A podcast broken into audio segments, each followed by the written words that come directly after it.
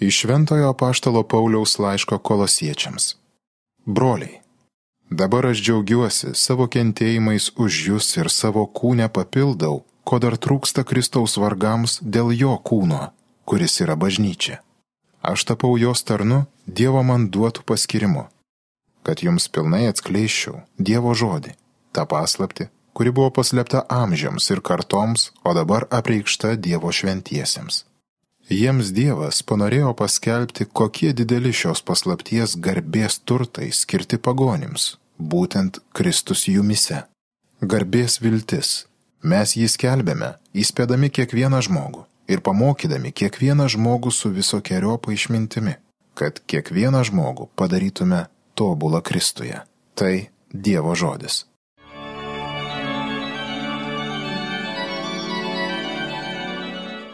Štai ateinu, o Dieve, vykdyti tavo valios.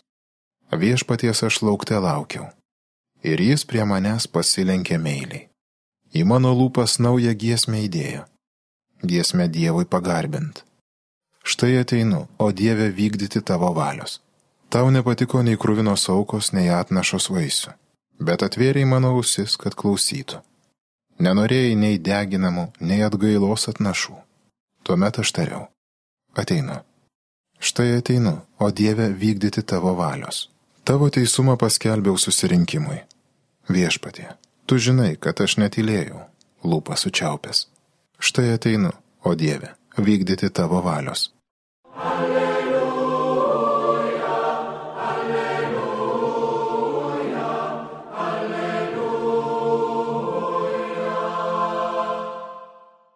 Viešpats mane siuntė nešti geros naujienos vargdienėms, skelbti belaisviams išvadavimo. Alleluja, alleluja, alleluja.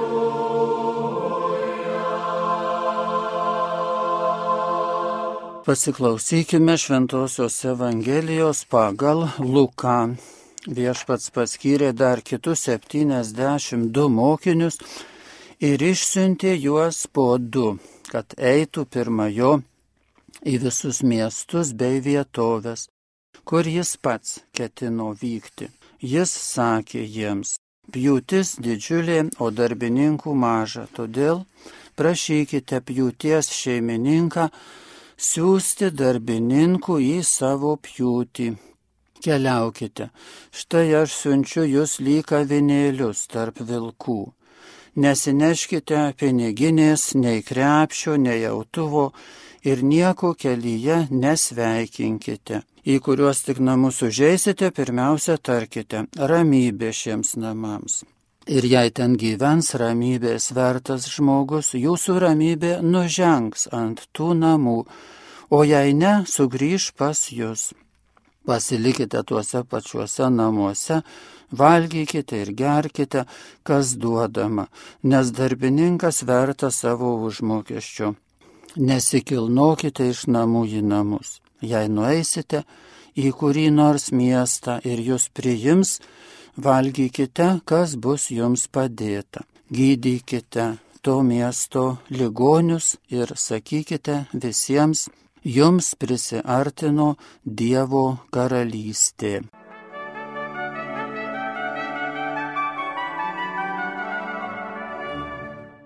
Šiandien minime palaimintąjį Jurgį Matulaitį, kuris e, lyg pagal Evangelijos tekstą tarsi iš tų kitų Jėzaus mokinių ir kadangi jis beatifikuotas, tai tikrai jis yra toks, sakytume, tikras Jėzaus mokinys. Stasys Įla, kuris parašęs knygą išsame Jurgio Matulaičio biografiją, apžvelgęs jo darbus, pavadino jį pavojingiausiu modernistu. Ir pasakė tai su simpatija. Pavojingiausias modernistas. Šiaip toks įvardinimas būtų kaip priešiškai reiktų jį suprasti kaip kažkokį tai kritišką nusistatymą bet e, Stasio įlos žodynė tai yra pagiriamasis žodis. Kasgi yra modernistas žmogus. Tai šiandienis žmogus turėtume sakyti, tas, kuris gyvena ne praeitimi, bet šiandieną. Nors aišku, čia visokias prasmes galime suteikti.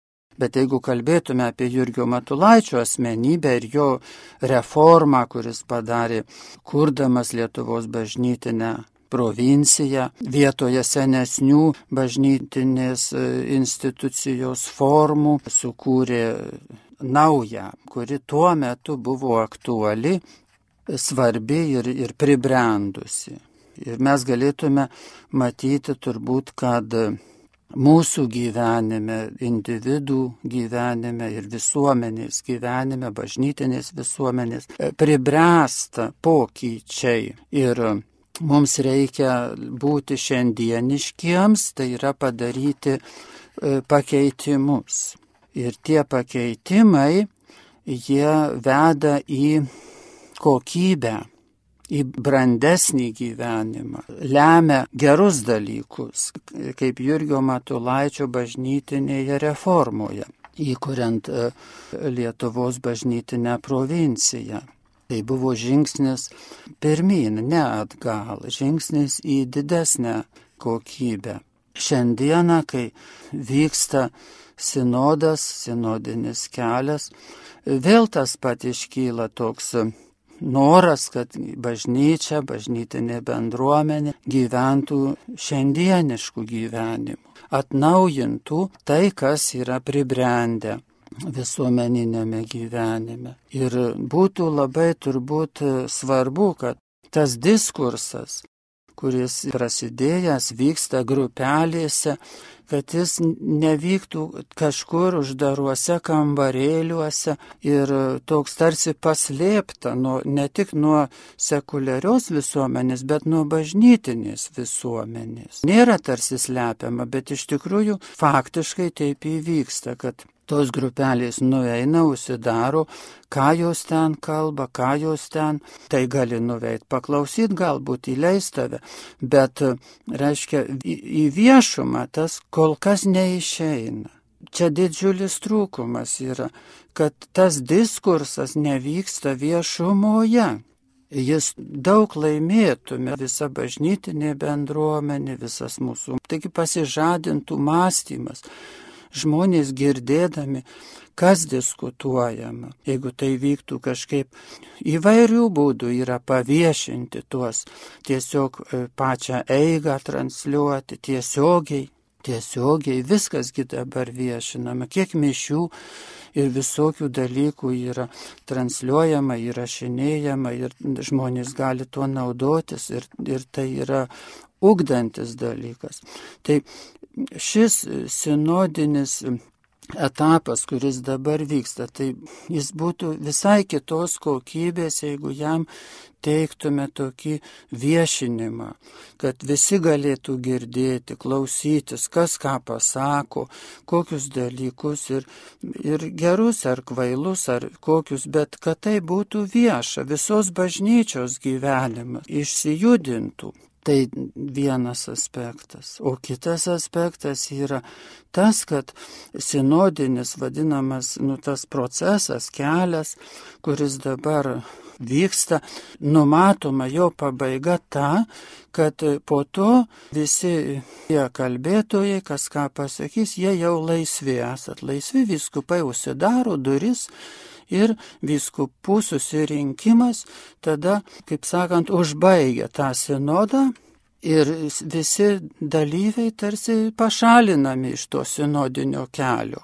Ir lieka tik tai viskupai, viskupų sinodas. Tai reiškia, nėra bažnyčios sinodo. Bažnyčia juk kviečiama sinodiškai būti. Ir čia kitas ir turbūt esminis toksai dalykas, kurį mes turėtume trokšti visi, aš manau, kad pirmiausiai viskupai trokšti, kad sinodinėme procese visi tikintieji trokšti, kad iki galo galėtų būti tas sinodinis toks bendravimas, sinodinė diskusija. Tai reiškia, iki galo sinodo turėtų dalyvauti ne tik vyskupai, bet pavyzdžiui krikščionys intelektualai, taip pat teologai, taip pat vienuolyjų atstovai. Ir taip pat, žinoma, pasauliečiai, kurie e, dirba sielovados darbą, sakykime. Va, ir visi tokie atstovai įvairių bažnyčios tokių sričių, jie turėtų dalyvauti sinode iki galo. Ir tuomet tikrai tas įvyktų, net jeigu taip yra numatyta kaip nors kitaip šiandieną, tai yra trūkumas ir trūkumas to sinodiškumo, nes o dabar vyksta sinodiškumas, o paskui stop ir jo nebėra jau. Tik tai vyskupų sinodas. Tai kur tada visa bažnyčia? Ji už durų, stovėkit už durų visi tenais. Tai čia ne kad nuoskaudas pasakyti, bet kad jeigu siekiame tikro sinodiškumo ir to tikro gyvenimo šiandieną, tai tada atidarykim tas duris. Nes tai yra bažnyčios nauda, jeigu siekiame bažnyčios atnaujinimo, bažnyčios sinodiškumo, tai sinodas ir turi būti visos bažnyčios, dalyvaujant įvairiems bažnyčios bendruomenės atstovams. Ir tada šventoji dvasia tikrai turės daugiau erdvės.